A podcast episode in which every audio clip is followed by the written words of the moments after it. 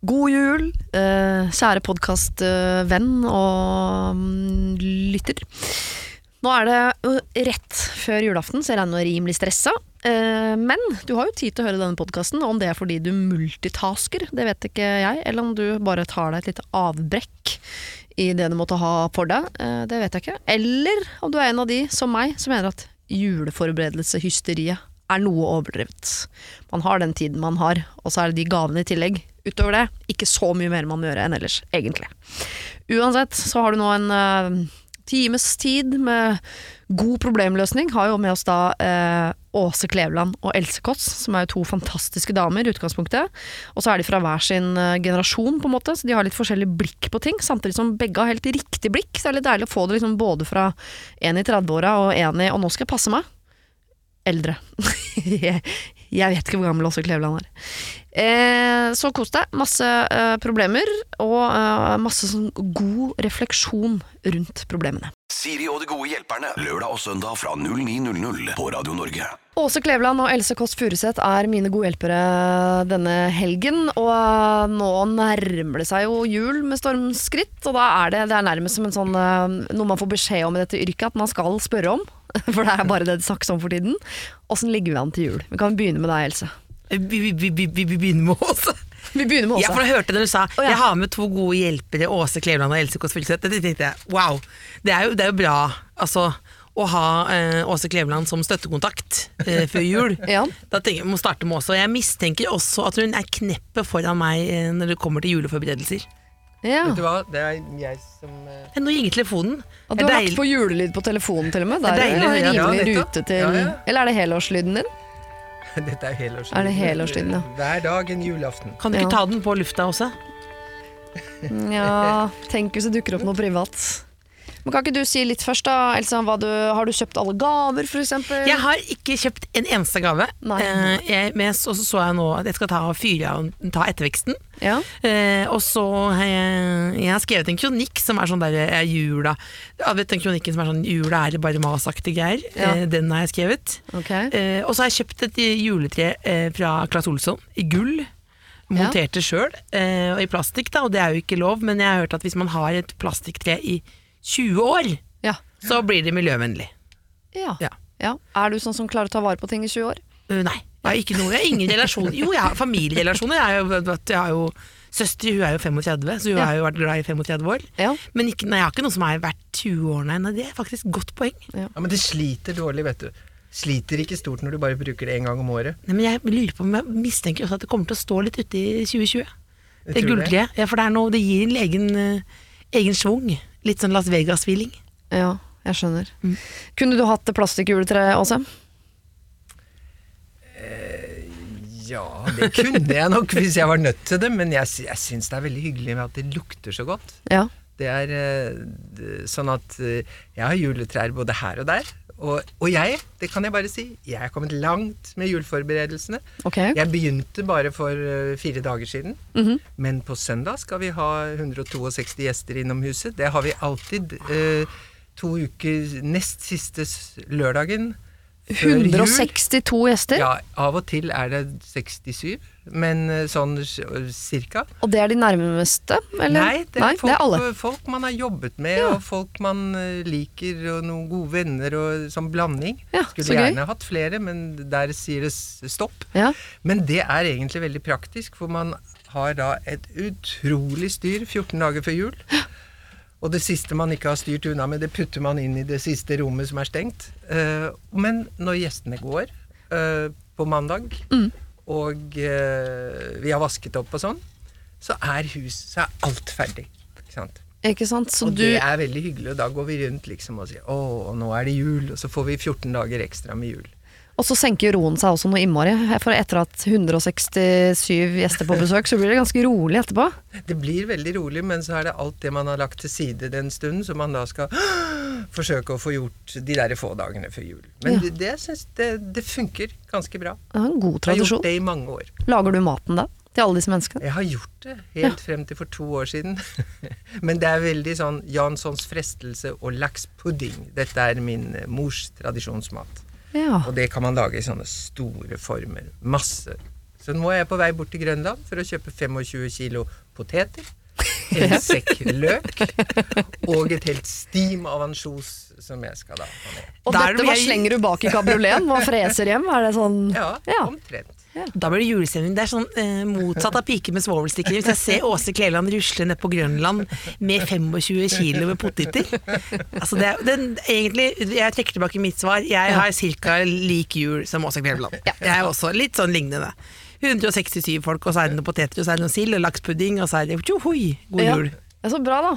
Det høres ut som vi skal få en veldig fin jul eh, begge to, men før vi kan ta jula helt, så skal vi pløye gjennom noen problemer her som eh, folk har sendt inn, og som dere skal prøve å hjelpe til så godt som overhodet mulig. Hvis du ikke har sendt inn problem, så er det ikke for sent. Eh, Vi er her hver eneste helg. Ikke vi da, men jeg i hvert fall. Så send det til sirialfakrøll radionorge.no. Kjære Siri og de gode hjelperne. Jeg har vokst opp på en gård, og hele livet mitt har jeg gått ut ifra at jeg som eldste barn skal arve denne gården. Eventuelt dele den med min bror. Men så gjorde mamma øh, meg oppmerksom på at det var mulig denne gården ikke sto på pappa, men på broren hans, altså min onkel. Så gården har aldri vært pappas å gi videre. Siden han er gammel, så vil jeg gjerne vite hvordan situasjonen er før han eventuelt dør. Selv har han sagt at han har ordna dette, at gården nå står på han igjen. Men pappa er kjent for å dra ting ut av ræva, så jeg ringte kommunen for sikkerhets skyld. Og de bekrefter at gården står på onkelen min, og at det ikke er i orden slik som pappa påstår. Hvordan skal jeg ta opp dette med han? Skal jeg ta det nå i jula? Han er en ganske hissig type, og jeg er redd han går veldig i forsvar når jeg sier at jeg ikke tror på han, og at jeg har dobbeltsjekket med kommunen. Jeg må både få han til å forstå at konsekvensen av dette er at jeg og broren min kan miste barndomshjemmet vårt, og komme med et forslag til hvordan vi eventuelt kan løse dette. Trenger vi en jurist? Hvem syns dere jeg skal snakke med? Jon Christian Elden. Er det rett på Ring, ring! God jul, Han, Elden. han har en liten time igjen her om 14 dager. Ja. Du tror ikke det? Nei, det er jo det første, første man blir ganske nysgjerrig på. Nå begynte jeg bare, jeg også. Ja, ja, det, dette eh, ordner du. Og det, det er jo litt spennende hvordan han uh, onkelen forholder seg til det. Eh, ikke sant? Eh, Ja. Er det en onkel og noen Og står det der ved siden av den under den onkelen, har han tre barn som er fysende på den gården, Mm. eh, hvis man kan si det. Eh, det er jo interessant. Det sier du ikke noe om, og det regner jeg med at det kanskje er, da. Ja. At det er noen der andre som har lyst på den. Um, nei, det er jo litt dumt å gå rett på eh, å snakke med faren. Jeg ville passet meg litt for å ta det akkurat nå på julaften. Ja. Vi har hatt noen sånne hyttediskusjoner selv eh, på julaften, som har vært eh, hvor alle tilsynelatende syns det er helt greit. Og så setter det seg sånn fra totida på eh, 14.00, liksom. Og så går det, blir det med inn i kjerka, liksom. Og så helt til gavepakken så er det noen muljer, da. Ja. Så jeg ville heller tatt det liksom litt Altså tatt det kanskje lille julaften, da, eh, eller, eller kanskje en av de dagene til overs i romjula. Ja, for det har jo noe med hvor lenge man er hjemme videre, men det er liksom typisk nesten alt, om det er jobb eller familie eller kjærlighet eller hva det er man skal liksom finne ut av nå uh, i disse dager, så er det alltid sånn før eller etter jul, før eller etter jul, og så har man en tendens til å utsette alt i januar. Ja. Uh, og det er jo fordi man vil ha det hyggelig i romjula, men klarer man å ha det hyggelig hvis man sitter og tenker på dette her, eller bør man rydde opp før jul? Er du en som, kunne du tatt opp dette her i jula også, eller ville du ha tatt det eh, nå, i Jeg ville trodd det var eller? veldig dumt, og jeg tror tidspunktet for når man tar det opp, har litt å gjøre med er dette en quick fix? Eller er dette starten på en lang prosess og mange diskusjoner? Mm. Og altså, odelsretten i Norge, den er vel noe av det mest kompliserte, og det er vel få ting som har spredt så mye glede, men også uhygge eh, rundt omkring i hjemmene, som akkurat det. Sånn at eh, nå virker det jo som om dette er ikke et juridisk spørsmål, for det er, hvis det er helt klart hvem som eier det, så er det jo vedkommende som har eh, retten til å bestemme over det. Og da er det jo mer et sånt eh, som moralsk spørsmål. Hvordan kan faren vår ha holdt på med dette? Og ført oss bak lyset i alle disse årene, og her, her har jeg gått og tenkt at der skal jeg sette sofaen min, og der skal jeg gjøre sånn og sånn, og så plutselig så smyger dette fram bakpå. Sånn at jeg ville nok råde til å vente over nyttår, Ja, og så ta liksom en kveld og si du vet hva, dette må vi nå, eller en dag, Ja. og dette må vi nå snakke om, og at du da har med selvfølgelig da broren. Eh, og så, så vil jo ha mye å gjøre, si hva, hvordan pappa eller far reagerer på dette. Ja, for jeg tipper det han vil reagere mest på, er jo altså, Nå har jo jeg, nå er jeg i rolle som pappa, eh, nå har jo jeg sagt at jeg har ordna det. Og så går datteren min allikevel og ringer kommunen, for hun tror ikke på mine ord.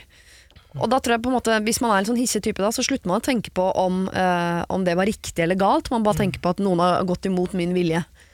Og da ser jeg for meg at dette her bare blir en kjempekrangel, at det går helt i lås. Men da tror jeg du kanskje ikke Jeg ville ikke sagt dette da jeg ringte kommunen. Nei. Jeg ville bare sagt uh, Du pappa, er det sånn, eller hvordan er det? Fordi uh, jeg er jo litt sånn sjøl. Jeg ville liksom rota meg litt inn i det. Fordi at det, det kan jo hva, Hvorfor er, lyver faren? Er det fordi han er uh, uh, norgeshistoriens største rotekopp? Eller øh, er det en konflikt mellom han og broren? Eh, at han alltid egentlig har drømt om Eide, men ikke har gjort det. Hva, hva er det som er det? Hvor, hva er det som er problemet her? For noen ganger, Jeg må innrømme at jeg sier ofte sånn Det er null stress, det har jeg ordning på.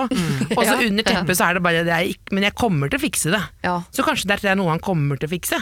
Ja, for det ille er jo hvis pappa her tror at han har fiksa det, så han faktisk tror at han er eier av denne gården. Og den dagen han ikke er der lenger, så viser det seg at det er broren som eier gården. Og hvis barna til broren er av typen som tenker sånn ho-ho-ho, den gården skal bli vår, så har de jo muligheten til det antageligvis, rent sånn juridisk, vil jeg tro. Og det er veldig riktig at hun, at hun tør å stille spørsmål nå.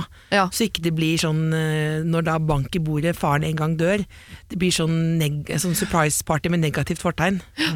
For det, det er det jo mange sånn, som man, Det er jo masse som dukker opp når folk dør. Altså det er altså Av rotet, da. Alt Ja, ja. rotet dukker opp da. Jeg, jeg tenker på det hvis jeg dør nå.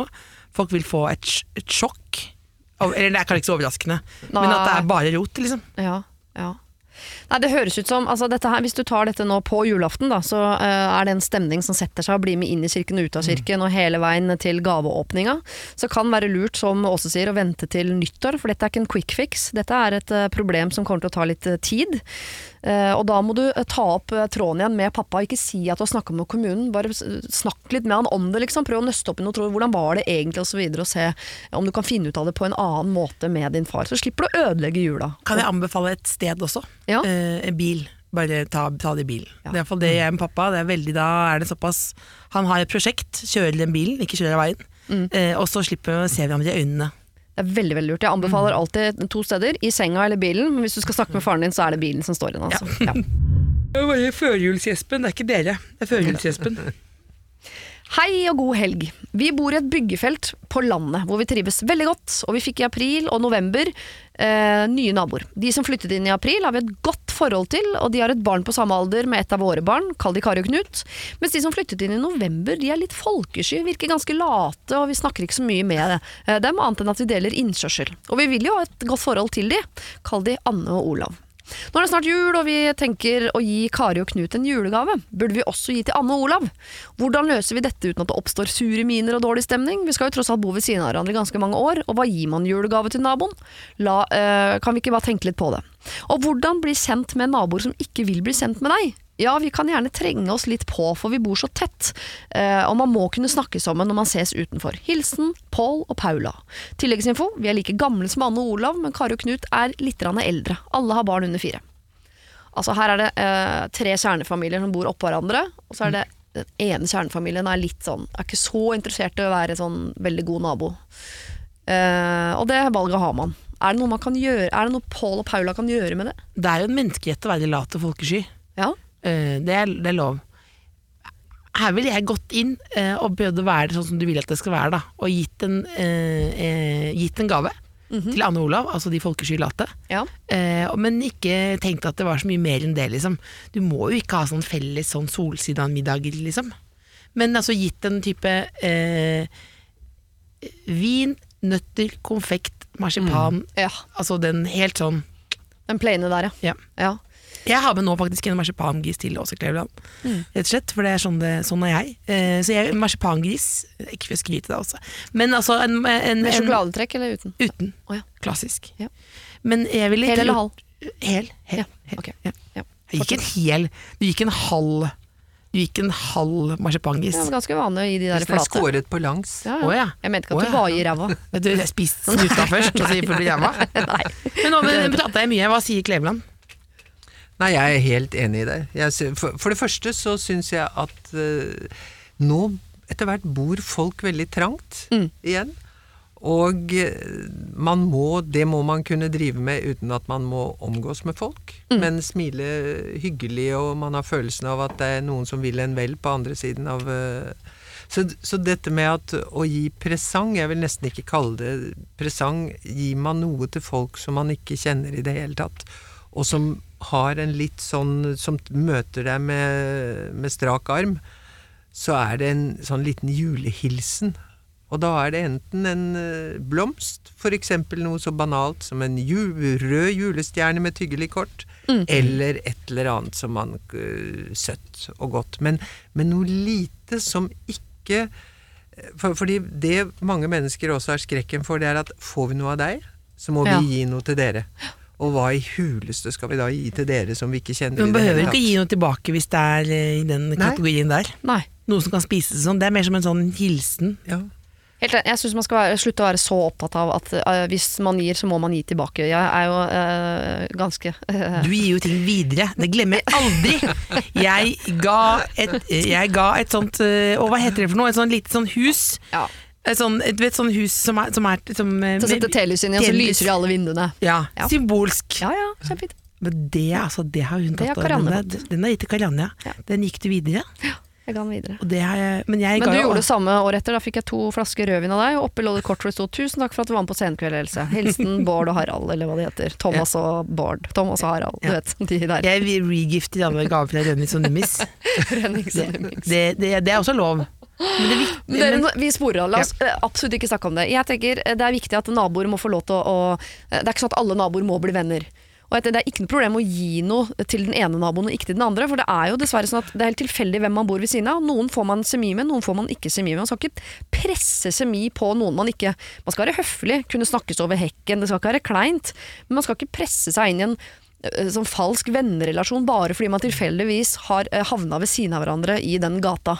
Det tenker jeg, det blir jo bare altså det, Jeg hadde blitt gæren hvis jeg hadde en nabo som, eh, som ikke bare kunne ta til takke med at vi eh, eh, sa hei og snakket over hekken og når det passa seg, men som på dødeliv skulle inn i den sosiale kretsen, og vi skulle gi gaver og være venner av det. Herregud, Nei. vi må flytte, jeg tenkte men, det, men, det er, men man kan liksom oppdra litt for å si hei og sånn. Det merker jeg, det er litt irriterende med sånt som det er sånn Du, vi har sett hverandre hver morgen i syv år. Ja. Få på et lite hei, ja. Ja. Men det Da kan ble- jo hende at disse sånn- naboene er restriktive med å være høflige fordi de merker at naboene, altså Paul og Paula, de vil ha mer. For jeg kan bli liksom, hvis jeg merker at noen Å ja, hvis jeg gir deg et kakestykke, så vil du ha hele kaka, så kan jeg bli ganske gnien på det lille kakestykket mitt. Da, det- altså, nå er kakestykket hei, hvis dere skjønner. Jeg opplevde noe med naboen en gang. Er det lov å si? Ja. Jeg våknet opp om morgenen, og da sto naboen min, ikke der jeg bor nå, eh, inne på soverommet Å, med nøkkelknippe. Fordi jeg hadde lagt meg med nøkkelknippet i døren. I døra. og, så da, så da, men da ville jo jeg tenkt at det naturlige er bare å ta ut nøkkelklippet og så bare kaste det inn i gangen, f.eks. Og lukke døra. Lukke døra. Men gikk inn og vekket meg. og da ropte jeg sånn Politi! ja, men jeg ropte, jeg fikk bare et veldig sjokk, for det er veldig sjelden det er noen på det soverommet. Og fikk sjokk, og da, men så da, ja, jeg flytta. Du gjorde det, ja. Det hadde jeg også Jeg gjort, faktisk. Det ble rart. Ja. Forholdet ble aldri det samme igjen. Nei. Pål og Paula, dere kan selvfølgelig gi eh, julegave til alle. Dere kan gi julegave til eh, absolutt til folk dere møter på gata om dere vil, men dere må ikke det. Gi til de dere har lyst til å gi til. Ikke forvent noe tilbake. Ikke se på den som investering i noe som skal bli et vennskap. Det er klart dere har lyst til å bare gi noen symbolsk til folk i gata, så gjør dere det. Men la noen naboen være i fred. Ikke press de inn i en vennerelasjon bare ved å liksom skulle gi en gave bare for å liksom etablere et vennskap som de helt tydelig ikke er interessert i. La de være naboer. La de være høflige. Ikke press på dem noe mer enn det. Siri og de gode hjelperne. Lørdag og søndag fra 09.00 på Radio Norge. Skal jeg slå opp med kjæresten, står det her. Vi har vært sammen i syv år. De siste to årene har det gått som passe. Vi er verdens beste venner, men egentlig ikke noe mer enn det. Og vi har gått i parterapi det siste året uten at det har gitt resultater. Jeg vil jo gjerne at dette skal funke, og føler virkelig at vi har prøvd alt.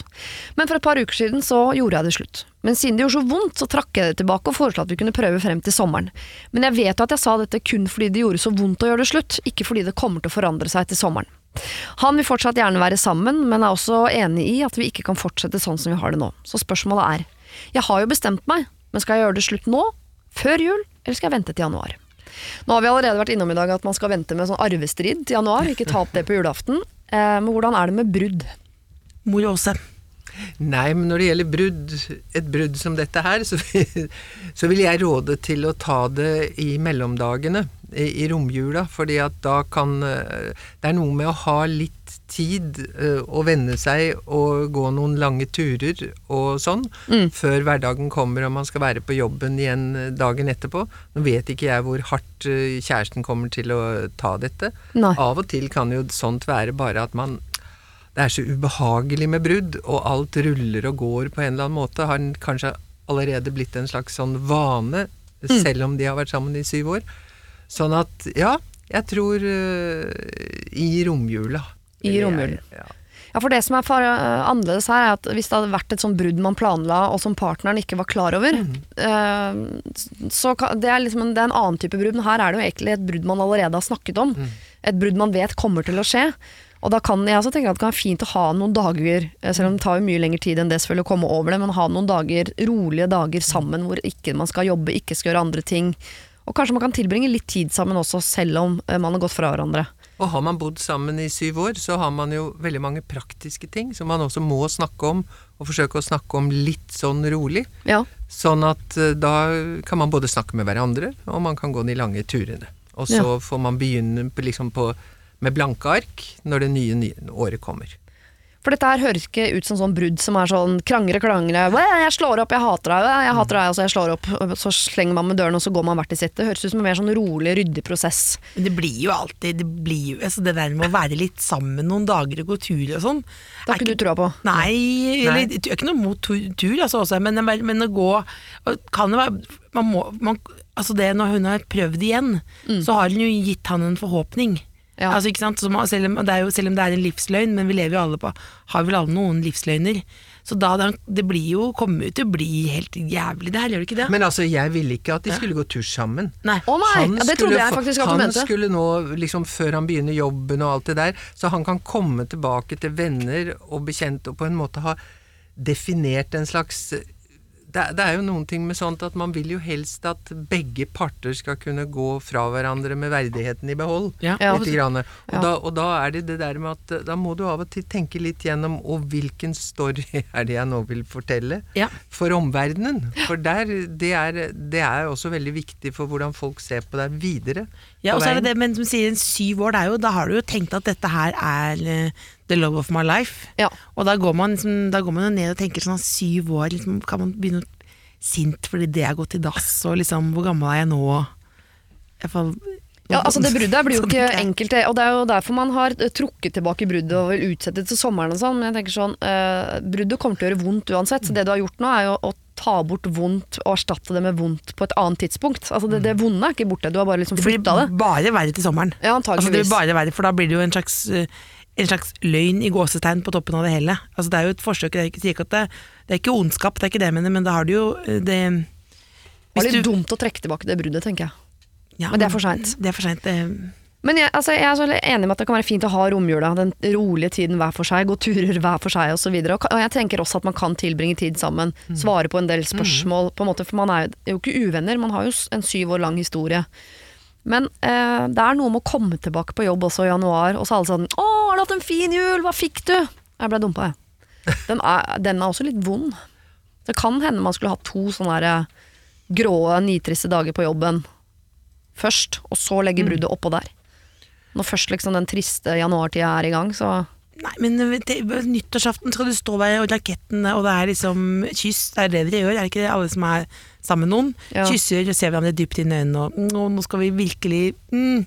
Og ja, Altså, Nei, jeg er inne sammen med bikkja, ja, så sender jeg gubben ned på fotballbanen med ungene. Og Ja, ja, det, okay, da, det, Hva han driver med klokka tolv der nede, det aner jeg. han, det er noen som kysses da, på klokka tolv. Men ja. fall, jeg, vil, jeg tror at eh, jeg ville nok ikke tatt den over i januar. Januar er jo en eh, Det er jo nesten programforplikta til å føle deg litt nedfor januar. Ja, Så bare, bare å poppe den litt tidligere ville jeg gjort, ass. ja. Men kanskje man kunne hatt en sånn myk overgang som er sånn, ja, nå før jul, så blir man enig med at hva, vi skal gå fra hverandre. Så januar kommer vi til å bruke på å pakke ned leiligheten og alle de tingene der, og det blir vondt, men vi skal stå i det sammen. Og så kan man likevel gi julegave og på en måte ikke ha det der harde bruddet, sånn lukke hver sin dør og ikke se hverandre. Men bruke litt tid hver for seg med de andre man er glad i i jula. Men også ha noen gode prater. Tur hver for seg, ja, men kanskje en tur sammen. Og så vet man at fra januar så skal vi begynne på en måte på den derre nedbyggingen av de syv årene som vi har hatt. Eller høres det Nå, nå virket det som vi skulle uh, avvikle et firma, men uh, Det, høres, det det høres, låter som et under for meg, hvis du får det til sånn. For det er jo likevel sånn at det er, det er jo én som går. ja. De har ikke hatt noen sånn avstemning og kommet enstemmig fram til at dette skal vi gjøre. Men det er jo helt åpenbart at det er hun som øh, går. Ja. Det er det jo i de fleste tilfeller. ja. Eh, sånn at eh, Derfor vet jeg ikke hvor mange sånne veldig gode samtaler det blir, men jeg tror veldig på det der som du sier med, med altså de, det praktiske. Mm. Det praktiske er noe veldig bra å liksom stupe inn i. Ja. Altså ikke begynn å rydde ned leiligheten eh, før jul. Ikke, eh, ikke kast julegavene dere sikkert allerede har kjøpt. Jeg tenker sånn Ta det med ro, kos dere i jula, men bare vær enige om at fra januar så, så kommer vi til å gå fra hverandre, på en måte. Og så begynne å lete leilighets, lese leilighetsannonser. Ja, allerede i romjula. Uff. Ja, nå høres det ut som vi råder God jul da, folkens! God jul, ja, uff, ja, nei, men nå høres det ut som vi mener at det kan være greit å gjøre det slutt nå før jul. At ikke man nok en gang skal utsette det vonde. Sånn at man har litt tid til å summe seg i romjula, og så kan man ha det kjipt i januar, som man jo har uansett. Og at man venter til januar med det liksom, praktiske nedriggingen av syv år med kjærlighet. Men Tinder er visst ganske bra i januar. Ikke begynn med Tinder allerede. Tinder er ganske bra. Det er jo det, det jeg hørte Er det rett på? Ja. er. Søndager på Tinder i januar. Boom! Ja, da har du fire gode søndager foran deg i januar med tindring. 2020. Siri og de gode hjelperne. Send oss en e-post på siri at radionorge.no. Hei Siri og de du har med deg i dag. Det er jo da deg Åse Kleveland og deg Else Kåss Furuseth. Denne mailen blir lang, eh, men altså, jeg begynner bare å lese helt opp. Det er en lang mail, det er helt riktig. En jente på 30 år som skal gifte meg om et års tid. Det er ikke problemet, altså. Det er kjempefint. Perfekt mann. Aldri møtt noen som forstår og støtter meg så mye som han. Men når man skal ha bryllup, så må man jo lage en gjesteliste, og her kom problemet mitt inn. Jeg har en liten, men overraskende problematisk familie. Etter en tenåringstid full av depresjon og problemer, splittet familien, og min far trakk seg vekk. I begynnelsen var det sporadisk kontakt, men jeg flyttet vekk, han flyttet vekk, og det hjalp ikke at han de siste årene før denne splitten la på seg et alkoholproblem. Det er kanskje ikke viktig, altså, men bruk det om dere trenger. Det er nå over ti år siden denne splitten, og kommunikasjonen mellom meg og pappa har vært sporadisk og vond. Det hele klinsj, klinsjet seg vel eller litt når jeg plutselig ble invitert på bryllupsfesten hans, rett etter at han ble gift med en dame jeg aldri har møtt. De hadde visst vært forlovet i fire år. Festen var utrolig mentalt slitsom, og hans nye kone var ikke interessert i å si noe mer enn to ord til meg.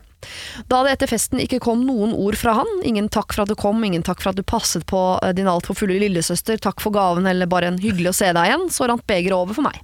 Og jeg trakk meg unna igjen. Ikke at det var så mye unnatrekking å gjøre egentlig, annet enn å ikke ringe eh, ca. hver tredje måned, som jeg hadde gjort før. Jeg hørte ingenting fra han heller. Cirka et halvt år senere fant jeg ut at jeg rett og slett ikke orket å gå og kjenne på at jeg ikke visste om mannen jeg har vokst opp med en gang vet at jeg fins. Så jeg kontaktet han, og vi møttes. Vi kom til en slags enighet da, og han sa mange fine ting som gjorde at jeg tillot meg, og håpe at kanskje eh, jeg kunne ha en far igjen. En av tingene vi ble enige om var at vi måtte legge litt mer energi i å bli sendt igjen. Prøve eh, å legge den vonde tida bak oss, og at han skulle ta kontakt igjen eh, snart for å bygge opp relasjonen. Når vi gikk fra hverandre, var det siste han sa 'jeg gleder meg til vi møtes igjen', det er vel jeg som bør invitere neste gang, og det er jeg enig i. Etter dette har jeg fått ca. tre meldinger av typen 'hei, hvordan går det?' Jeg har svart hver gang, men likevel eh, er jeg litt tilbake på følelsen av å ikke ha en far. Eh, ja. Som tidligere beskrevet, så sliter jeg eh, nok med å få til noe som minner om kontakt med pappa, så jeg ser ikke uh, noe sjanse for at jeg kommer til å bli sendt med kona hans. I kretsen min er det mye forskjellige meninger. Forloveden og venner mener at selvfølgelig slipper jeg å invitere henne, jeg trenger ikke å invitere han engang. Mens mamma av alle mennesker mener at jeg så klart må invitere den nye kona. Det ser egentlig ut til å være en slags generasjonsskille her. Så hva tenker dere? Det blir et lite bryllup, ca. 40 gjester, så det er ikke som om jeg kan late som om hun ikke er der. Altså, dette bryllupet skjer eh, til sommeren. Eh, hun tenker at hun skal invitere far, kanskje ikke, litt opp til oss. Eh, men må hun invitere en ny kone til faren sin i dette bryllupet? Og uh, hun skylder på et generasjonsskille her, og det er, der er vi jo godt representert, vil jeg påstå. Så da begynner jeg med deg Åse. Hva tenker du? Skal hun invitere far? Skal hun invitere hans nye kone? Dette er It's a mess. ja. Det er eh, Skjønner at hun har problemer, sånn rent spontant. Så, altså Forutsatt at hennes versjon er den riktige Mm. når det gjelder eh, hvor sjelden de har sett hverandre, eh, farens kanskje av og til manglende evne til å oppføre seg i sivilisert lag og annet, så, um, så syns jo jeg at det i seg selv Skjønner jeg at hun tviler på om hun vil Hvis, hvis hun kan risikere at faren lager skandale og oppfører seg dumt, Mm. og ikke har hatt kontakt med han, og det virker ikke som om han bryr seg, Mm. da syns jeg at hun i veldig liten grad har eh, noen forpliktelse. Men så, til syvende og sist, så er det da egentlig bare opp til henne. Jeg syns det er veldig vanskelig å gi, et, eh, å gi et råd om akkurat det. Ja. Når det gjelder dette med kona, så syns jeg hun, hun eh, Hvis alle blir invitert med ledsager, Mm. så er det klart, da er det et problem hvis du inviterer din far, og du ikke inviterer kona. Ja. Det, det syns jeg det, det blir en demonstrasjon overfor en større krets at eh, hun er ute i kulda. Ja. ja, det er et jeg veldig tydelig signal. Syns Det er, veldig vanskelig å gi et eh, skråsikkert svar. Jeg tenker jo her, jeg tenker jo her at det er uh, hun som på en måte legger veien videre nå. Så hvis hun velger å legge veien videre til at kona ikke er invitert, har hun, da har hun lagt lista. Da, da kommer ikke det, det forholdet her til å bli reparert noen gang. Hvis hun er den som åpner døra og inviterer kona med, så er det i hvert fall en sjanse for for at det kan bli bra en eller annen gang. Men, jeg er helt enig, hun kan vel velge. at, er vel at det er jo Det er ikke snakk om å reparere noe, fordi at det har aldri vært et forhold mellom dem.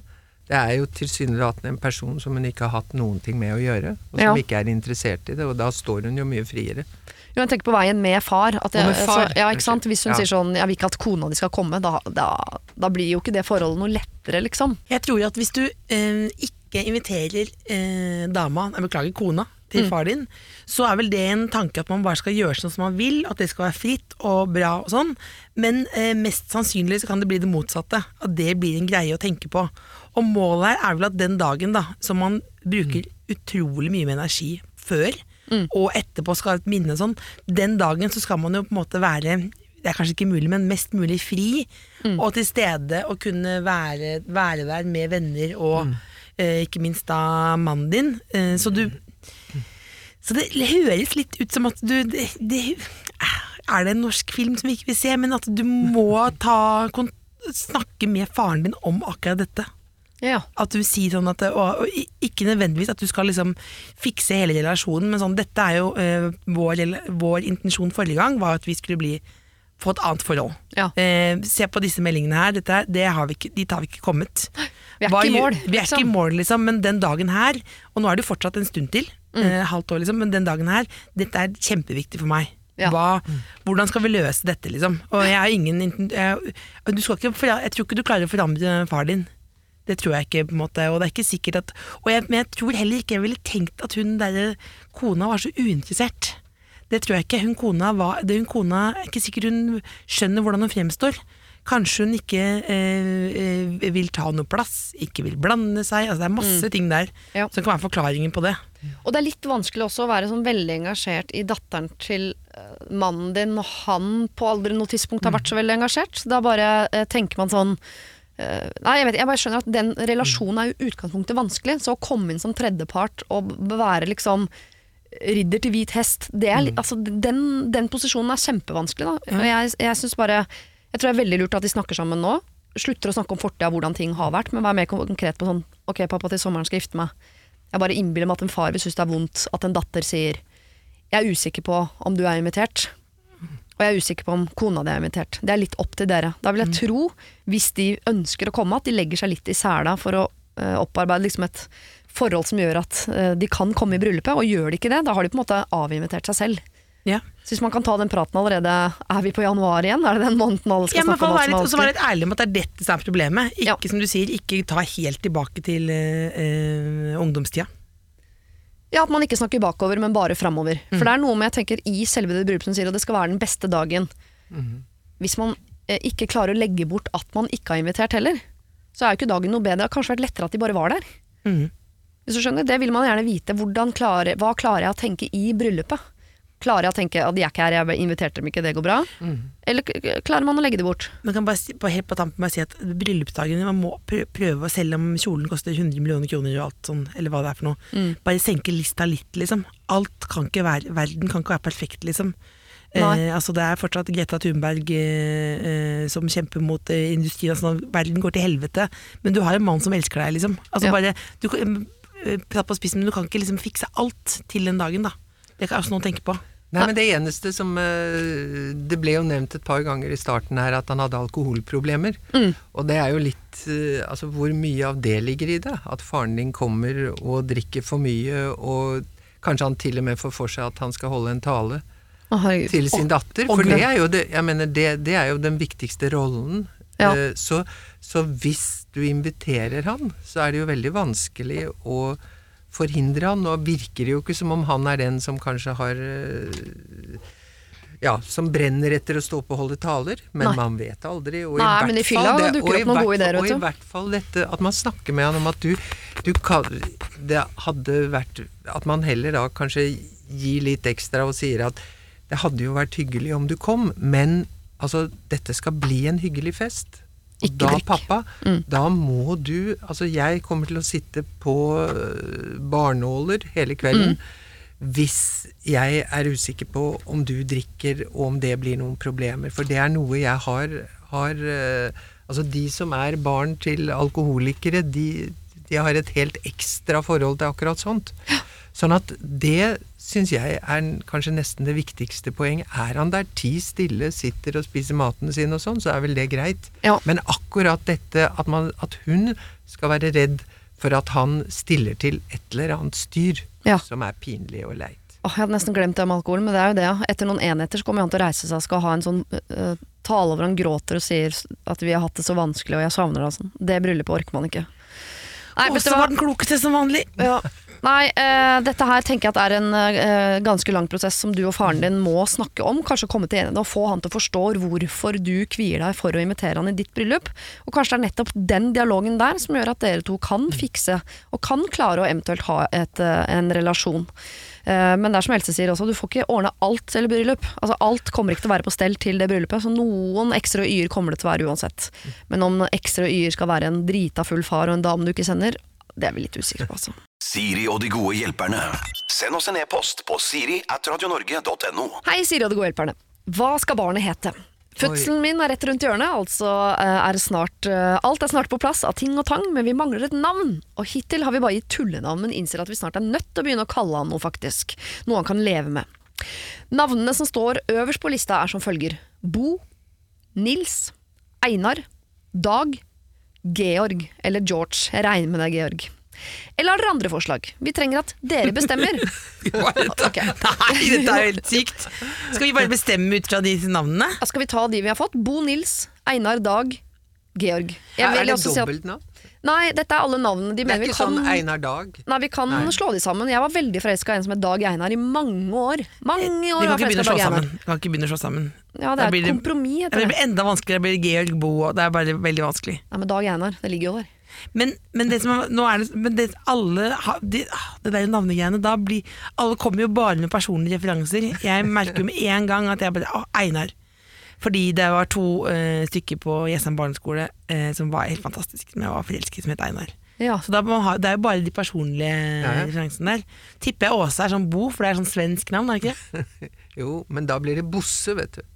Blir, blir det det, da? Ja, nei, ikke i Norge, kanskje. I Sverige blir det det. Ja. Jo, men jeg er enig med at øh, Men det er jo deilig å ha med seg rundt, øh, hjem rundt liksom bordet når man skal diskutere hva barnet skal hete. At man kan si sånn Både øh, Siri og Else har vært forelska i en Einar, og Åse mente at Georg var fint. Altså kan, det er jo argumenter man kan bruke inn i, inn i diskusjonen fram til fødsel. Men sier ikke veldig mange at når de føder, Ja. eh, så ser de ungen og sier 'Å, herregud, ja, det er en Bo'. Jeg hørte ikke om det. høres sier ikke det. veldig De sier ut. Bo Arne Alexander. Sier Bo Arne alle, Alexander. alle barn nå har liksom Ja, de har låter som alle. gamle kongehus. Ja, Matteo, Liam, Lukas. Lukas, ja. Noah. Noah. Ja.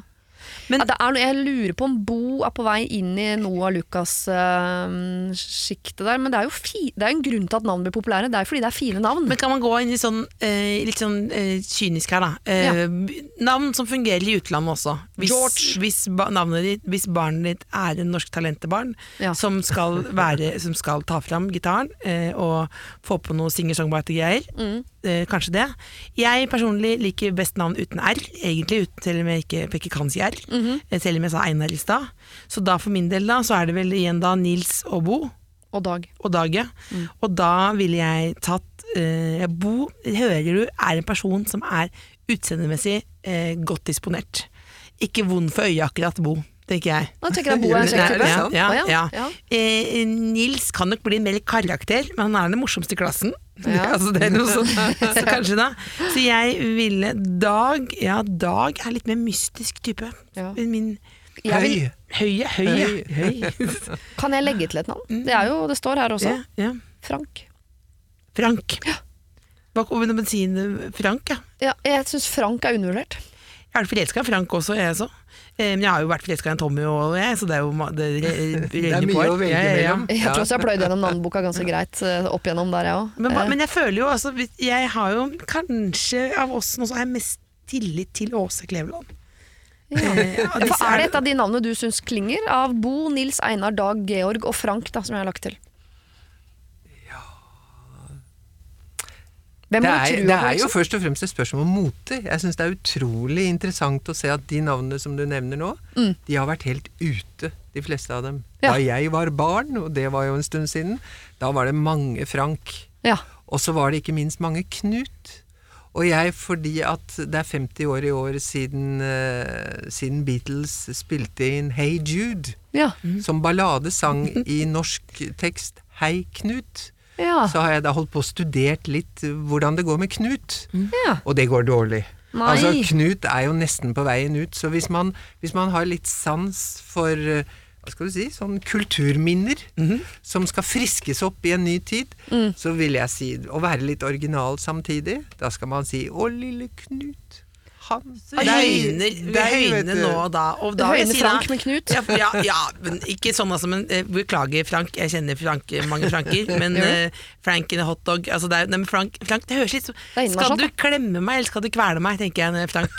Det er sånne gutter med, vi elsker. Skal du klemme eller kvele meg? Ja, ja. Men jeg vil si Knut. ja. Han kan bli minister. Lille Knut. Det er også fint på dansk, som er viktig for meg. Lille Knut. Ja. Ja, men får... Men, men samtidig er det desto verre når du da kommer til Frankrike, eller du kommer til England, Nytt. og Ja. du blir hetende alt mulig rart. Jeg som heter Åse, vet alt om å ha et uh, urnorsk navn. er du ass i utlandet? Jeg er As, og jeg er Ace, Ace, og jeg er uh, Alle alt tingene er bra ting. Så jeg har til og med et Jeg fikk laget da jeg var en del i spansktalende land, da fikk jeg laget et, et uh, kort med navnet og adressen og sånt, og så hadde jeg parentes etter Åse, og der skrev jeg José. Without Ja. Ja, det er lurt! Men du er jo en del av det fonetiske alfabetet. er du klar over? Så i militæret, hvis noe skal skrives med Å, så er det du der og Åse. Å for Åse. Er det sant? Ja. ja så flott. Ærlig, Østen og Åse, som var de tre siste. Hei du, jeg, jeg liker å. Men Bo, men skyte inn Bo litt ekstra er jo også et eh, Altså ja, Jeg liker alle de navnene, kort. Det er gode navn. Du kan ikke gå gærent der. Nei. Men, Nå men har jeg lagt til et navn, Åse har lagt til et navn. Vil du legge til et navn, Else? Geir! Du legger til Geir, ja. Ja. Legger til Geir. Er det noen som vil ta Nei, bort noe? vet du- Eh, nei, vet du hva, Jeg kan trekke tilbake Geir. Et annet navn som er min, som jeg gjerne vil få litt opp, Ja. eh, det er Arne eller Børre. Arne eller Ja, du må velge, da. Eh, Børre er bikkje, da. eh, nei, det er det ikke. Oh, nei. Nei, onkel Børre. Jeg elsker onkel Børre. Okay. Eh, Arne. Arne. Det er veldig mye Arner i min slekt. Ja. Arne. Da har vi gjort problemet sjelden. dobbelt så stort som det var når vi fikk det. Så da må vi også ta bort tre navn. Jeg tar bort Georg. Ja. Er det noen som vil ta bort Bo, Nils, Einar eller Dag? Jeg syns egentlig vi skal gå for Bo, jeg. For det er det, det er det som Åse likte best. Av Ja. de som var foreslått. Bo. Ja, Lille Bo. jeg liker det, det, er, det låter veldig dansk, syns Ja. jeg. Og så er det sånn eh, Ender det nok opp med at hvis de skal ha et, eh, velge et sånt navn, så vil det være et press fra familien rundt at altså, to bokstaver i vår enormt eh, blant alle tidens navn, da blir det Bo Arne, Bo Einar, Bo eh, Tror du det? Tror du ikke det? Ja, kommer det Var dette Altså- alt dere klarte å komme opp med? Liksom? To fillete små bokstaver? Det går ikke an å rope det heller, så når han blir borte, så får du ikke ropt på Bo! Bo! Bo! Nei, Bo, nå tar du Nå må du stå opp, Bo. Jeg syns det ligger godt i munnen. jeg. Dere- Knut! Kom her! Knut Knut som en bikkje. Ok, eh, jeg sier tusen takk for problemet. Jeg beklager at vi har gjort det større. Du ga oss Bo, Nils, Einar, Dag og Georg. Tilbake får du Bo, Nils, Einar, Dag, Frank, Knut og Arne. Tenk hvis du får Så- en Frank som egentlig vil være en Lise, da. Hva gjør du da? Frank Lise. Ja. Ja, det er ikke noe vanskelig i det hele tatt. Lykke til. Håper uh, fødselen går bra, at dere koser dere med babyen, og at dere på et eller annet tidspunkt blir uh, enige. Kanskje det kommer et lite barn ut som har uh, navnet sitt skrevet i fjeset, som noen påstår at det har. Og da det er det jo greit, da. Da har du navnet ditt. Knut. Siri og de gode hjelperne. Radio Norge. For to uker siden var Henriette Brusgaard og Sigurd Sollien mine gode hjelpere. Og da ble vi kjent med en dame som eh, hadde problemer med å få nære vennskap. Altså Hun ble stadig vekk kjent med folk, og hun kom stadig vekk i kontakt med folk. Og hun to, øh, følte at hun liksom var lett å bli venn med. Men så syntes hun aldri liksom vennskapet ble sånn godt nok og varte over tid, og hun fikk alltid følelsen av at det var hun som måtte ta initiativet hver gang. For hver gang hun inviterte til noe, så var det sånn at folk gjerne ville være med. Men så var det aldri noen som inviterte tilbake. Så med mindre hun tok initiativ, så var det ikke noe som skjedde sosialt sett. Og hun lurte på hva dette her kunne komme av. Det er jo vanskelig å svare på, men jeg stilte spørsmålet til Sigurd Sollien og Henriette Brusgaard, og her er noe av det de tenkte. Eh, Blir det, altså folk, folk vil jo ikke folk, folk orker jo ikke venner som er på en måte for masete og forventer noe. For jeg må innrømme at jeg har hatt noen venninneforhold opp igjennom hvor folk har hatt for høye forventninger og liksom stiller krav og hele tiden inviterer og forventer at man skal svare tilbake og sånn. Og da blir man Det kan man føle altså det kan føles anmasende, da. Kanskje, kanskje du skulle oppsøke arenaer som hun syns er gøy. Ja. Som de som er med henne da også Å, du, det var gøy! For jeg syns i hvert fall det er veldig gøy å bli litt sånn For vi går jo det samme og tråkker hele, ofte hele tiden, da. Dette er bare et utdrag, eller et sammendrag om du vil, det Sigurd Sollien og Henriette Brusgaard tenkt tenkte rundt dette. Hvis du vil høre det i sin helhet, så må du laste ned podkast. Har fått en ny mail hvor det står Hei, nå har jeg hørt problemet mitt bli løst, i anførselstegn. Jeg er helt enig i at hvis jeg hadde mast på det hele tiden og spurt hvorfor spør dere aldri meg om å bli med, hvorfor spør dere aldri hvordan jeg har det, så hadde jeg skjønt at jeg måtte slappe av litt, som Henriette sa. Men jeg gjør jo ikke det.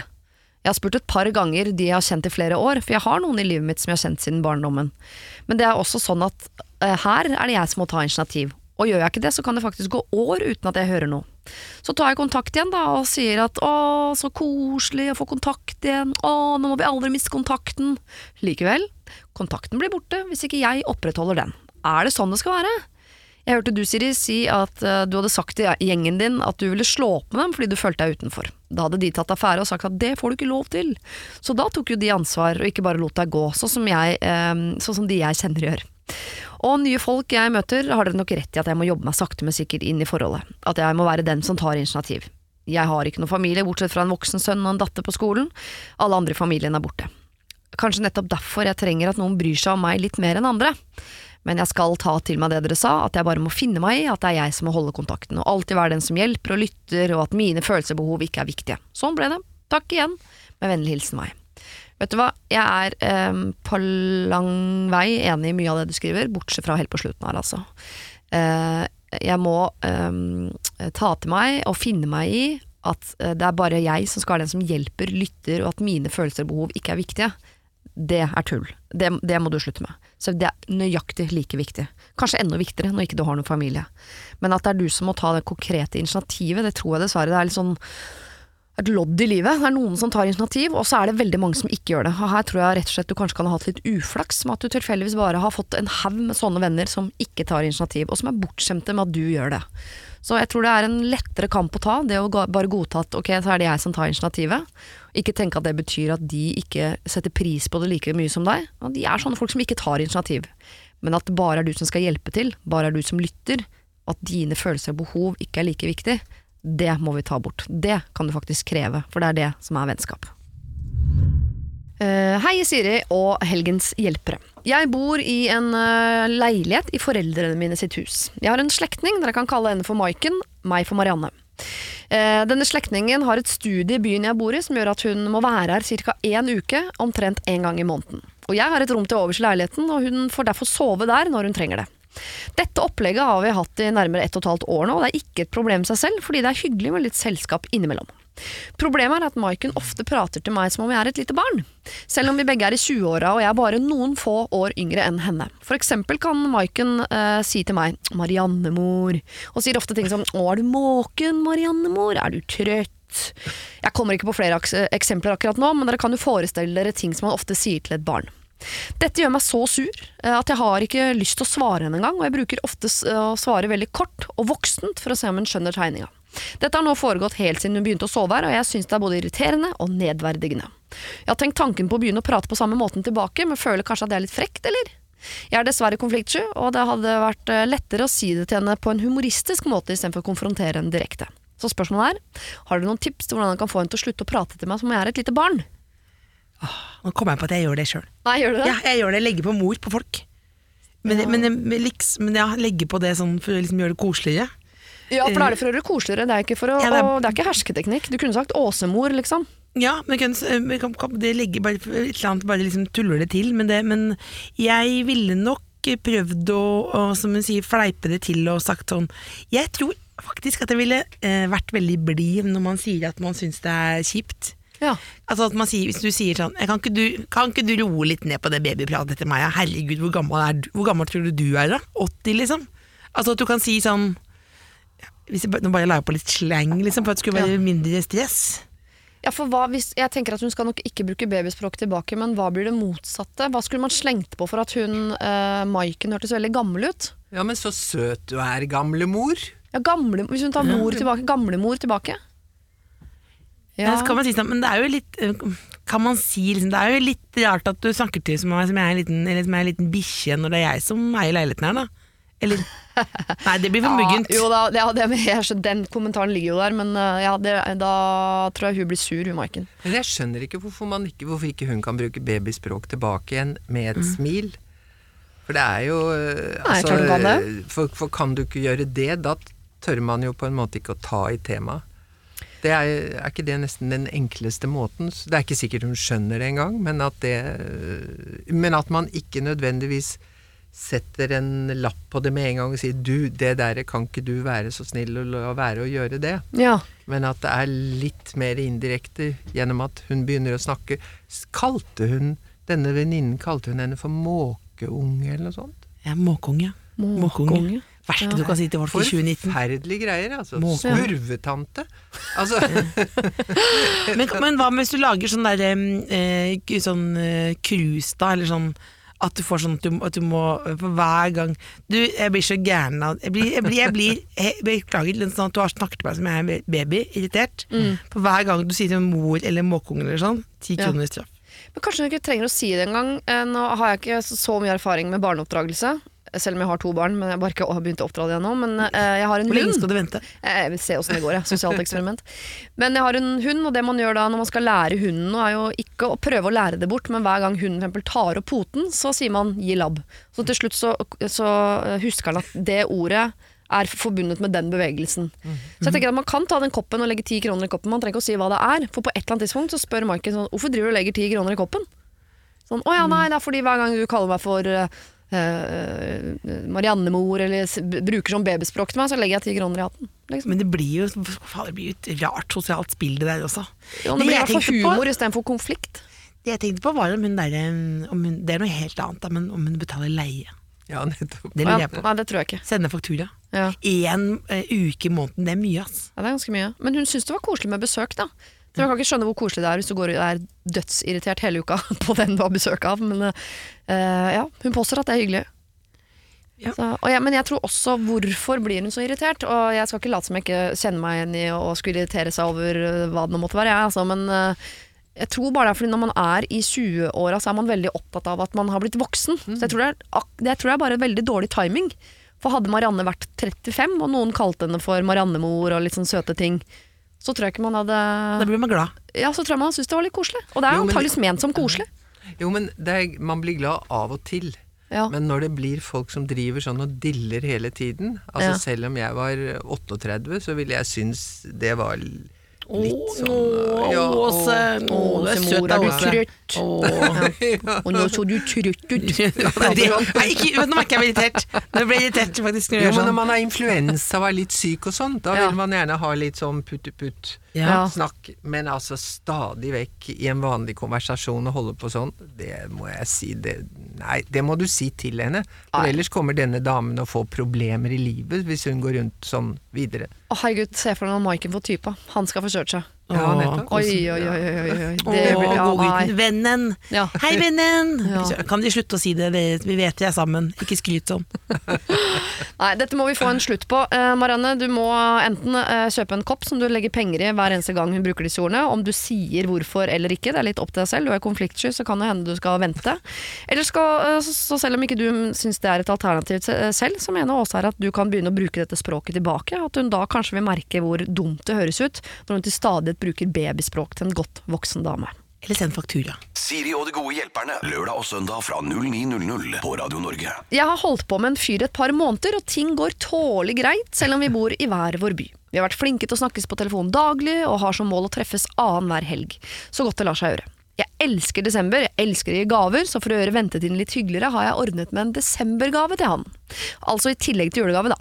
Her om dagen ringte han meg for å si at han hadde sendt en julegave til meg i posten, og lurte på om jeg kunne vippse han 253 kroner for porto.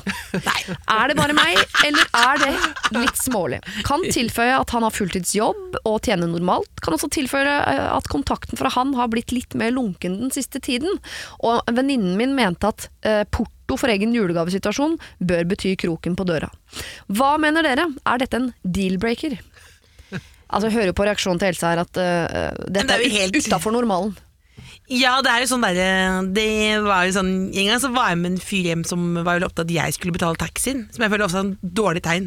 Ja. Altså du ville, skal, Vi skal være med deg hjem, men, du, men den taxien, den må vi den, opp, Hvis du blir veldig opptatt av de Litt sånn som venninnen sier, hvis du er opptatt av de, de detaljene der ja. Altså Det er jo i hvert fall ikke noe turn on. Men det er jo julegave, da. Men, men 250 kroner i porto, det må ha vært en tung gave, da. Ja, jeg får jo noe veldig fint, Ja, antagelig. får, det er dyrt med posten Ja, nå for tiden. Ja, Men, hva, men, hva, men ville du dumpe han uh, også? Ja, men altså det er jo noen ting med det der at jeg syns at uh, en sånn økonomisk gjerrighet mm. henger ofte sammen med en også litt sånn uh, skal vi si følelsesmessig gjerrighet. Det er kanskje veldig I hvert fall for, når, det er, når det gjelder mennesker med normal økonomi Mm. så er det noen ting med det der at det, det etterpå det man, det man merker først Jeg hadde f.eks. et selskap for mange år siden. Og da var det, skulle alle ha med seg noen ting til det selskapet, og da var det en venn av oss, som var i og for seg kjent for å være meget økonomisk, for å si det pent, han kom med en, med en kasse med blandevann. Ja. Og eh, det er jo også verdt sitt, så det var vi glade for. Men neste, gjestene gikk sent, han gikk litt tidligere, men klokken syv så ringte det på døren. Og da sto han der munter i joggeantrekk og skulle bare hente flaskene, tomflaskene. Oh, ja. Og for eksempel Han skulle ha panten? Han skulle ha panten. Og eh, det viste seg gang på gang senere at dette gjaldt veldig mange ting. Og eh, så obs, obs, obs.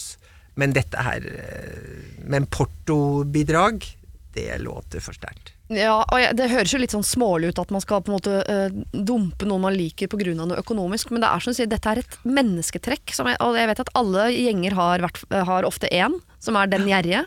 Og det er jo altså et så irritasjonsmoment. At hvis, og det, jeg tenker sånn, Nå har de holdt på et par måneder. De første månedene skal ikke noen ting irritere. Det skal ikke være noe gnisninger. ingenting. Er det Du sant? skal elske alt ved det mennesket i begynnelsen. Absolutt alt.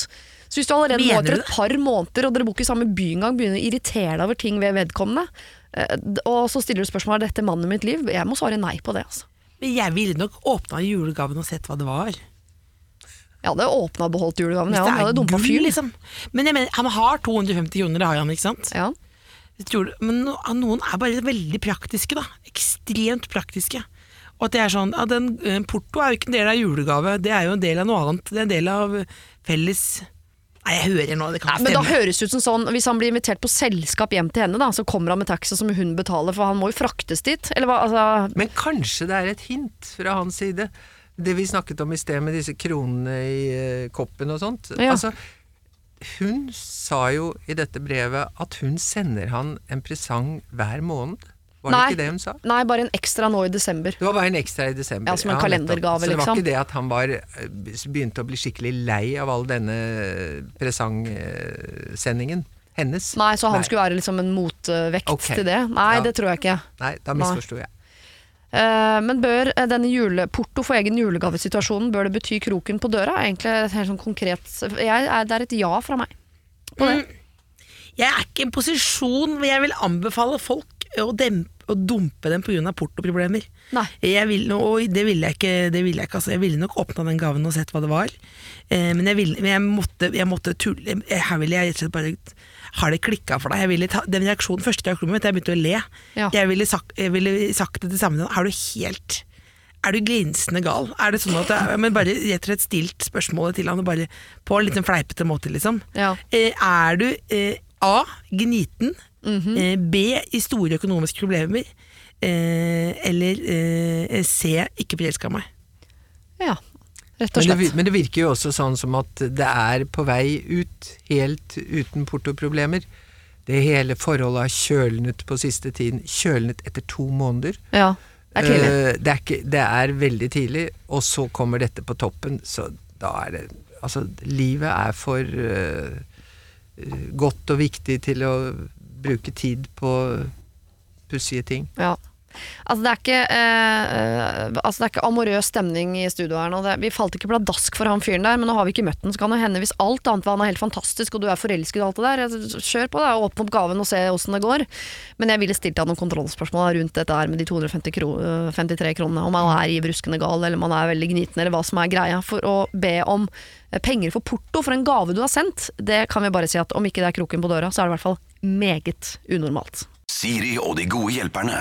Kjære, vakre, fine Siri, står det her. Veldig hyggelig å lese høyt. Eh, og de gode hjelperne. Det sto ikke at dere var Mm. Vakre er eller fine, men det, Det syns jeg, da. Ja. Forrige lørdag var jeg på et stort julebord. Jeg var med kollegaene mine hele kvelden, men etter hvert bestemte vi oss for å dra ut. Jeg tok følge med en jeg kjenner, og en jeg ikke kjenner. Lang historie kort. Det rareste skjedde. Jeg fikk øyekontakt med han jeg ikke kjente. Det ble sånn rar filmaktig stemning. Alt stoppet, hjertebank osv. Etter hvert kom vi i prat og endte opp med å snakke sammen hele natta. Ingen ville hjem, men begge har vi samboere og barn i samme alder.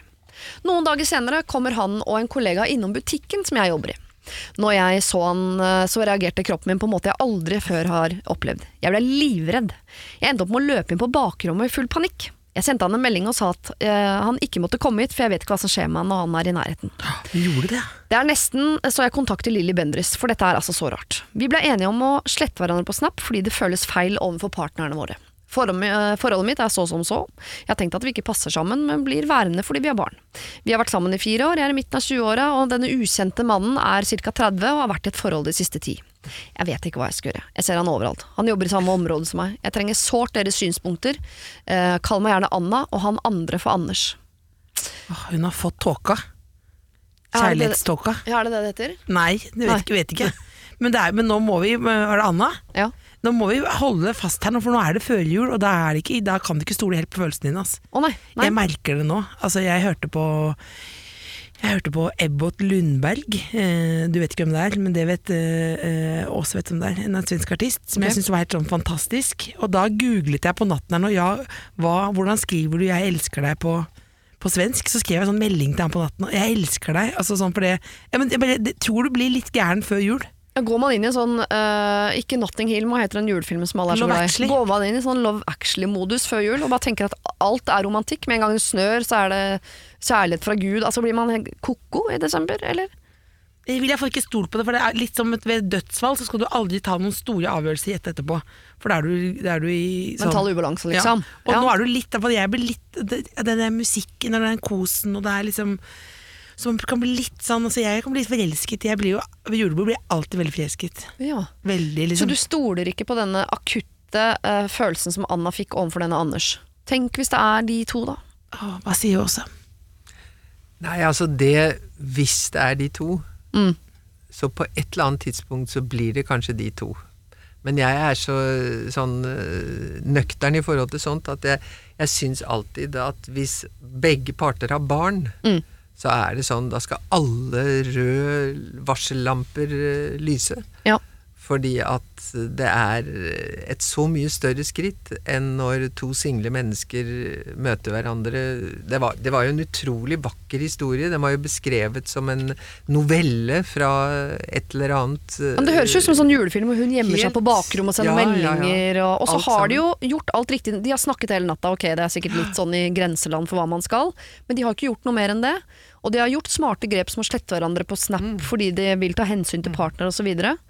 Men allikevel så klarer jo da Anna altså hun, hun klarer ikke Hun ser Anders overalt. For Anna nå så er det bare Anders. Ja, men Anders, eh, en natt i med noe, det er noe lavende snø, og det er noe, det er, du har tatt noe glass, og det er liksom helt sånn fritid, liksom. Men Anders, han er også en mandags-Anders, tirsdags-Anders. Og det er noe unger og noe gulping, og det er noe, vet ikke, alltid et barn som er sykt og alt sånn. Er det ikke sånn? Jeg, jeg tror du har fått eh, sjuka. Du har fått sjuka. Ja. Så det er bare, Altså, dette er jeg en bitt av basillen. emosjonell ubalanse, dette. Ja, jeg, kjenner meg igjen, ut, ut, ikke nødvendigvis forelska, men jeg husker jeg var på Firestjerners middag. Rart å si, jeg vil ikke skryte, men det var da Var med Ari Behn. Ja. Og jeg fikk Ari Behn-sjuka. Altså, jeg snakket om Ari Behn i enhver sammenheng. Jeg ringte til TV Norge-sjefen og sa jeg vil lage program med Ari Behn. Jeg sendte melding til Ari Behn. Altså, sånn, Ikke forelskelse, men jeg fikk bare sånn at, han, at jeg ble altså, Besatt. jeg Du måtte ha mer av han, liksom. jeg følte meg så sett, liksom. Han bare sånn Ja. Else, hør her. Altså, jeg bare var helt sånn Og det var jo, en, det var jo helt tydelig at jeg var ute Jeg var bitt av basillen. ja. Og det tror jeg, men det må du, da må du bare la du må, altså Mitt poeng er at du må bare vente. Så Anna har fått uh, kjærlighetsinfluensa. Ja, og da må du bare vente og se, og så er det litt sånn som Åse sier, hvis du ene er det med barn, selvfølgelig, som Ja. er, kunne vært et eget program, nærmest. Men, det altså det, men det med over neste år, Mm. hvis du fortsatt ligger og vaker med det, så må sende inn en gang til. Ja, fordi, du, må få, du må få karantene nå, og så sende inn om dette gjelder om et halvt år, og sender du inn nytt problem, så tar Siri det opp da.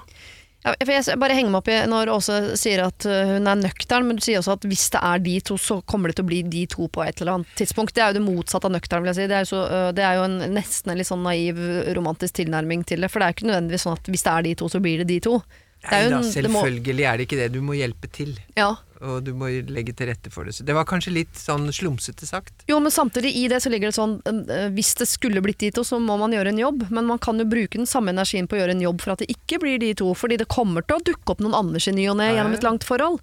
Så min taktikk alltid, fordi jeg, jeg vet Det høres kanskje jeg naiv ut, men jeg vil være sammen med min lokfører resten av livet. Så i det øyeblikket jeg befinner meg i en situasjon hvor det er en, eh, noe som kan minne om en Anders, liksom en sånn, Oi, han var jo veldig mye høyere og kjekkere enn de andre. Så jeg drar hjem, jeg. For jeg, jeg, jeg vil ikke komme dit at jeg må løpe inn på bakrommet og gjemme meg og sende SMS. For Jeg, bare, jeg, jeg, jeg må på en måte bare ta bort alle potensielle andre veier i, å gå i livet. Og det høres jo veldig lite romantisk ut, men Det høres litt romantisk ut også. Ja. så- jeg tror det er veldig klokt. jeg tror det er en god Og jeg tror investering, det er liksom. veldig god investering. For man, hvis man likevel har det, har det bra, Ja. og så er det klart at det kan være veldig Det kan samtidig visse faser av livet så, som kan ville, virke litt grå, Mm. så vil jo også sånne når det, når det dukker opp sånne muligheter, så vil de vise, virke litt mer forlokkende. Ja, og Anders blir også grå, ikke sant? Altså, det blir noe grått, som du sier. Altså, det er en tirsdags- og en onsdags-Anders også, så jeg tenker bare Hold ut, bare la dette se om det går over som en influensa. Går det ikke over, så ja vel. Det er ikke sånn at eh, alle brudd er feil, og det hender jo noen ganger at man eh, har møtt den riktige på feil tidspunkt, man burde ha ventet osv. Men akkurat nå så vil jeg sitte helt, helt stille i båten. Prøvd å glemme Anders. Slettet han, ikke bare fra Snap som du har gjort, men sletta han mentalt. Uh, og hvis ikke det går fristelse, jeg er smart. Jeg tenkte på det når jeg skal, Ja. jeg skal slette Fodora-appen. hvis, hvis ikke du skal spise godteri, så må du ikke ha Ja. godteri i huset. Jeg skal slette Fodora-appen. Ja, sånne ting. Rydd opp emosjonelt hjemme, Anna. Se om du kan klare å glemme Anders, så klarer du det ikke, så får du maile oss igjen. Så snakker man jo veldig ofte om det der med den, sto, den store kjærligheten, men samtidig så er det sånn at he, gjennom hele livet så dukker alle disse fristelsene opp. Mm. Og de litt sånn små kjærlighetene og romant... Altså romanser Ja. som kanskje ikke engang kommer til uttrykk. Det er jo også en del, og da mener jeg ikke at man skal gå langt med det, men det er jo også med som en slags krydder Ja, ja, ja. i livet, og det er helt normalt. Men det betyr ikke at man skal gå lina ut. Jeg bare med tenker, alle sammen. Bruk den gjødselen der til å vanne den planta du har gående hjemme. Så kanskje, Oi, den, kanskje den blir grønn nå en eller annen dag. Få det på en kopp! Få det på en kopp! Få det på en kopp! Siri og de gode hjelperne. Lørdag og søndag fra 09.00 på Radio Norge. Ok, da har vi vært gjennom eh, de problemene vi eh, rakk. Eh, Men så har vi jo et problem til, som Jonas Kinge Bergland ga oss i forrige uke. Og som han da ville at Else og Åse skulle hjelpe han med. Og det får du her. Hva skal vi spørre dem om? Um, om- har man uh, uh, Har man en forpliktelse til å si fra til venner slash kollegaer som jobber som artister, uh, eller gjør et eller annet på scenen, da. Mhm. Som gjør et eller annet som er litt kleint. Skal man si fra om det? Si At det er kleint. ja, ikke sant? Ja, det du driver med som du tror at du er flink til, er du bare- faktisk ikke så flink til. Ja. Hvordan skal man si det? Og eventuelt skal man si det. Ja. Og hvordan skal man si det hvis man skal si det? Mm. Ja. Jeg tar, det med Åse, å, jeg tar det med Åse og Else til uka, som jeg pleier å si. Det er veldig sjelden jeg sier, men denne gangen skal jeg faktisk det. Ja. Tusen takk. Jeg fikk så vond følelse sånn uh. Det er ikke deg jeg snakker om, Else Kåss, ikke deg heller, Åse Kleveland. Men uh, hvis man, altså i bransjen så hender det jo at man eh, støter på noen som man kanskje ikke syns er så talentfull som de selv antar. Har man en forpliktelse til å si fra, da? Jeg ville, det er jo Jonas Bergland som stiller spørsmålet. Ja. Jeg ville passet meg litt for å være sånn mann som er eh, dyktig allmennlege og har utslåtte hus, og gått rett inn og sagt sånn du er ikke noe flink. Nei. Eh, og da, og det er ikke, du er jo ikke du som er eh, Du er jo ikke du som bestemmer eller hva som er det aller beste, men jeg ville heller vært liksom konkret. Jeg hadde, var på scenen i går, så, og da øh, på en julegalla, og etterpå da så sa Tore Sage til meg du leverer jo det helt feil, den vitsen. Ja. For jeg sa de skjønner ikke vitsen min. Jo, de, de, det er bare at det er ikke noe morsomt sånn som du sier det. Nei. Så da er det jo Så jeg ville bare jo, Hvis du er konkret på uh, tekniske ting, så kan du si nesten hva som helst. For At det er ment kom- mer som hjelp enn sånn fordømmelse, fordømmelse, liksom. Ja. Ja. Men hva hvis det er en som tenker sånn Du er jo i feil bransje, du har ikke den bransjen her å gjøre. Du burde øh, vært pedagog. Det spørs jo hvor nær du står vedkommende, Ja. uh, syns jeg, og hva slags eh, profesjonell basis du har. Så vil jeg jo si at eh, vedkommende vil jo forhåpentligvis det, Den viktigste dommeren er jo publikum. Mm. Så hvis det ikke funker det du gjør, så er det jo noen ting Jeg tror hvis du ikke er helt døv og blind, som du oppdager selv. Så det er jo en kombinasjon. Men så kommer spørsmålet hva er det Skal jeg bare kutte ut? Mm. Eller er det sånn at jeg gjør ting feil? Og da må du ha folk som vet hva de snakker om, i så tilfelle. Ja, For den beskjeden Jonas lurer på om han skal gi, den får man jo ofte fra publikum. Ikke sant? Mm. jeg tenker sånn ehm, Det er vel heller at man kan hjelpe sånn Jeg ser at ikke du får det helt til. Hva om du heller gjør dette? Kanskje er du bedre på dette? Eller at man er litt mer sånn konstruktiv i veien videre. Ja, bare Enn å gå inn og være liksom den bødderen som forteller deg hva du skal slutte med i livet ditt. For der er man jo uenig òg. Man liker jo forskjellige ting, på en måte. Jeg syns ikke du skal være noens bøddel, men du kan, være, du kan si at du, Og du kan jo også da være ganske konkret at ja, det du gjør, tror jeg kanskje ville passet mer eh, Kanskje ikke på en scene, men kanskje i en kurssammenheng. Altså prøvd å få det til å For det mener jeg jo, det, det at noen sier, hjelper deg at du kanskje skal endre noe, det, det er jo ofte ganske fint, da. Ja. Hvis, men det må komme, eh, Jonas Bergland, det må komme fra et godt sted. For det er bare, bare, at- bare si fra om at du er smart. Den smarteste i verden. Det må ikke komme fra eh, på en måte det litt sånn klassiske mannemannstedet. Nei.